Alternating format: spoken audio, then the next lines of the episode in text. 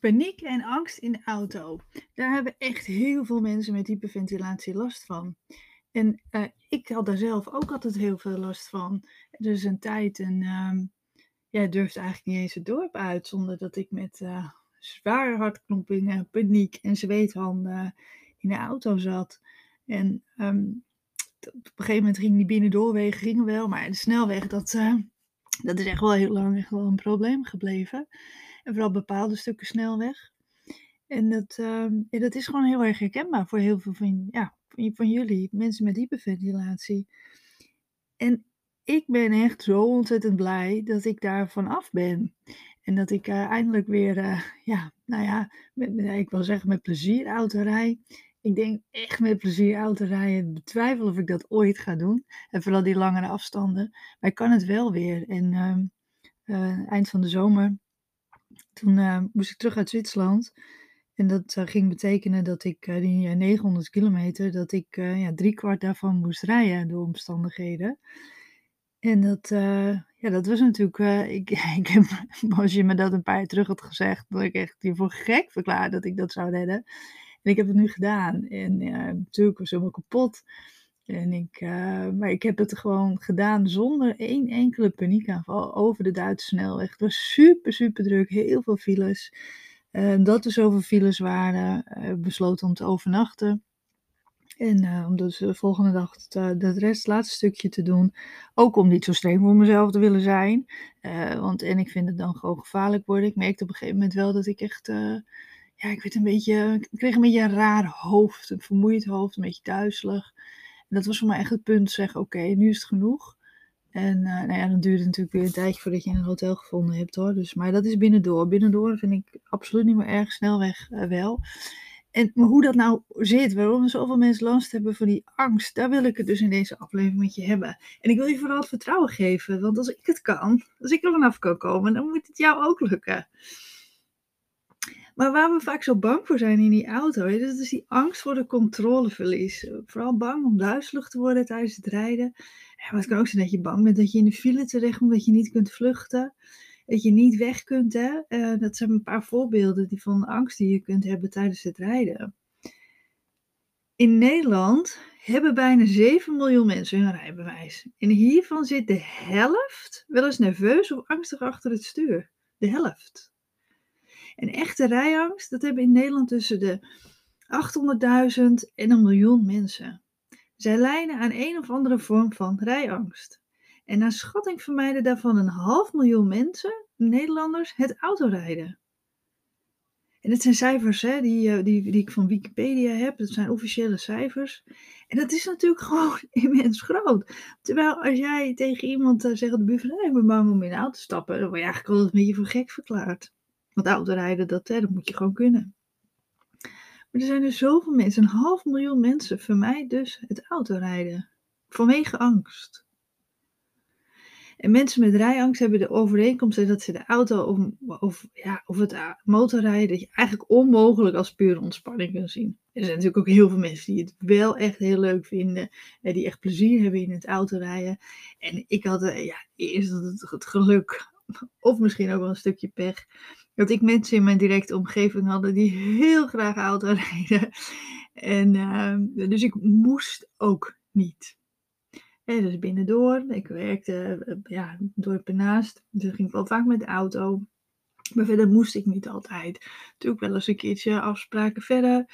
Uh, maar, maar echt die lange afstanden, die hoefde ik nooit te rijden. Omdat er altijd iemand in mijn omgeving was die dat met veel plezier deed. Dus zei ik, oh ja, doe jij maar hoor. En, uh, ja, en nu uh, zit ik in een fase dat dat eventjes niet zo is. Dus nu moet ik. En juist omdat je moet, merk je dat je het gewoon wel kan.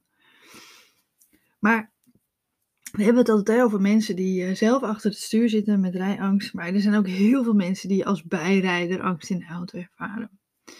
Maar die rijangst die kan dus heel specifiek zijn. Als de angst zich beperkt tot slechts één of enkele situaties. En bijvoorbeeld de snelweg, die smalle wegen, veel bochten, tunnels, bruggen, eh, wegen langs het water, eh, van die dijkjes, het naderen van verkeerslichten, eh, rijden in de file, inparkeren, verkeersagressie, angst om mee te rijden met een specifiek persoon.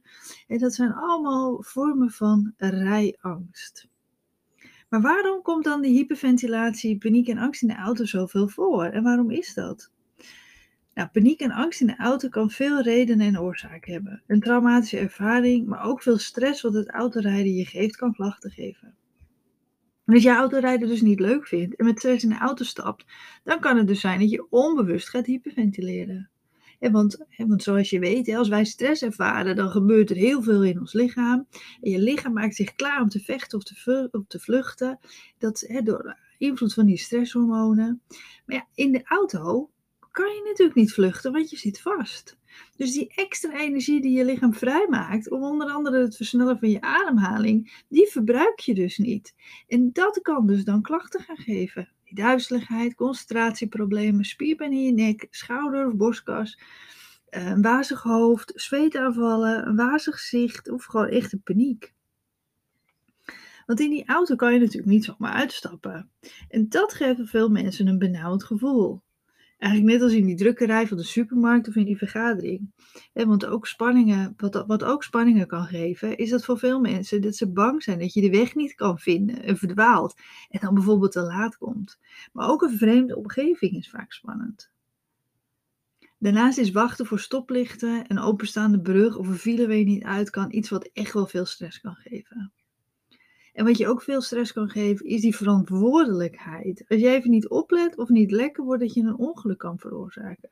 Dat was het bij mij vooral, die verantwoordelijkheid. Ik denk, oh, maar wat nou als ik nu even niet lekker word en een ongeluk veroorzaak? Dat was bij mij de hoofdreden. Uh, dus, dus dat stukje controle. Nou, als we dat dus allemaal bij elkaar optellen, is het best logisch toch dat dat allemaal spanningen geeft in je lichaam en in je hoofd. Maar naast al die, die, die, ja, die mentale spanningen en stress, kan er ook wat lichamelijks meespelen. Namelijk een soort reis- of wagenziekte, waardoor je misselijk, duizelig of moe kunt worden. Want door de snelheid en de beweging van de auto krijg je evenwichtsorganen en hersenen heel veel prikkels te verwerken. Nou, als je al last hebt van hyperventilatie, dan ben je vaak extra gevoelig voor al die prikkels en reageer je vaak veel heftiger op dit soort prikkels en sensaties. En als je last hebt van hyperventilatie, dan word je je vaak extra bewust van die lichamelijke sensaties, zoals die duizelingen, die spierspanning. Juist in de auto, waarbij je te maken hebt met hobbels in de weg, die snelheid en de ruimte om erover na te denken, zal je hier dus heel erg bewust van zijn. want die snelheid, als je op de snelweg zit, er gebeurt natuurlijk heel veel aan de zijkant van je, van je ogen, zeg maar. Want al die, die omgeving schiet voorbij. Ook voor je gebeurt er heel veel. Je moet natuurlijk opletten, dus je moet geconcentreerd zijn. En je hebt natuurlijk wel heel veel tijd om na te denken. En die combinatie, die kan er dus voor zorgen dat je ja, toch wat gevoeliger voor die angst en paniek wordt. maar wat kan je er dan aan doen? Nou, ook al lijkt het veel, hè, waardoor je die klachten kunt krijgen van die hyperventilatie, angst en paniek in de auto, maar er zijn zeker dingen waar je aan kunt werken. Het preventief zorgen dat je ontspannen bent en je ademhaling onder controle hebt, is de belangrijkste. Want hoe meer rust je in je dagelijks leven hebt, hoe makkelijker autorijden zal gaan. Want dat is dus belangrijk, hè, dat je basis sterker wordt.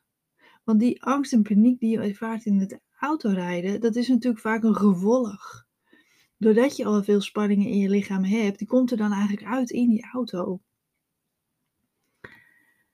Maar wat je kan doen op het moment zelf, er zijn vaak heel bepaalde punten hè, waar juist die paniekgevoelens beginnen. Zoals bijvoorbeeld dat punt dat je de snelweg oprijdt of die lange weg waar geen afslag is. Nou, als je daarvan meer bewust bent, dan kan je daar al wat mee doen. En bijvoorbeeld zet vlak voor dat punt, er kan alvast wat kouder, zodat je als je een opvlieger hebt, dat je het alvast kouder hebt. Ja, die opvliegen, dat, pff, dat heet dat zweetje uitbreekt.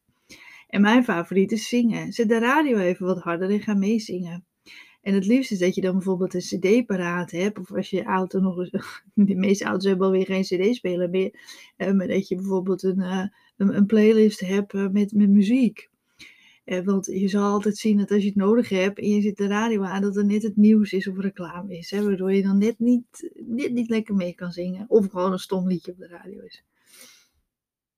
Daarbij zijn nog wat andere tips tegen reis- en wagenzieken die, je ook kan gebruiken. Bijvoorbeeld eet en drink goed en, voldoende. Zorg niet voor een volle maag, maar ook niet voor een lege maag. En draag gemakkelijke, niet knellende kleding. Zorg voor voldoende frisse lucht.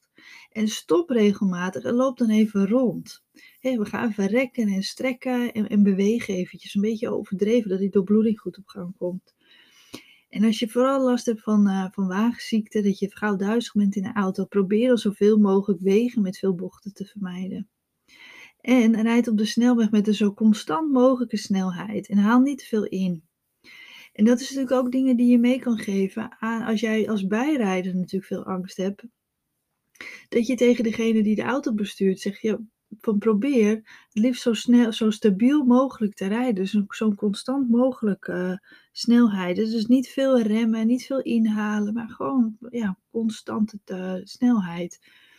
En de voorstoel is een betere plek dan de achterbank als je met iemand meerijdt. Nou, dat weten we vaak wel, maar toch wil ik hem nog even benoemen. En wat je ook kunt doen hè, bij het stoplicht, als je zelf rijdt of in de file, dan kan je best wat oefeningetjes doen om die spanning in je schouders te verminderen. Bijvoorbeeld dat rondjes draaien met je schouders. Want als de spanning in je schouders minder is, zal je merken dat de spanning in je hele lichaam ook minder wordt. En ontspannen schouders hebben weer een hele positieve invloed op je ademhaling. Dus als je angst en paniek, hyperventilatie in die auto hebt, zijn er echt dingen die je aan kunt doen. En ehm, als je nog veel meer erover wil weten, wat ik verder heb gedaan om er vanaf te komen, dan heb ik daar een hele online cursus over, die je kunt volgen. Met nog meer tips en met uitleg waar je allemaal op kunt letten. En wat je kunt doen om er ook vanaf te komen. En misschien hoef je niet zo'n groot stuk te rijden. Maar het geeft je natuurlijk zoveel vrijheid terug op het moment dat je wel weer in die auto kunt stappen en, en ergens heen kunt rijden zonder dat je dat eh, met zoveel spanning moet doen. Of dat je ook niet als je ergens bent, dat je dan gewoon echt helemaal kapot moe bent van al die spanning die je ervaren hebt tijdens het rijden. Dus, want als ik het kan, echt waar, dan kan jij het ook.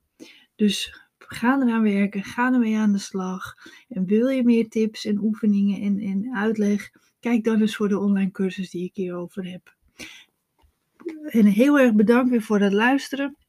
Voor meer uitleg en uh, tips en informatie over de cursus, maar ook gewoon over hyperventilatie, kan je natuurlijk kijken op mijn website www.hyperventilatiecoach.nl.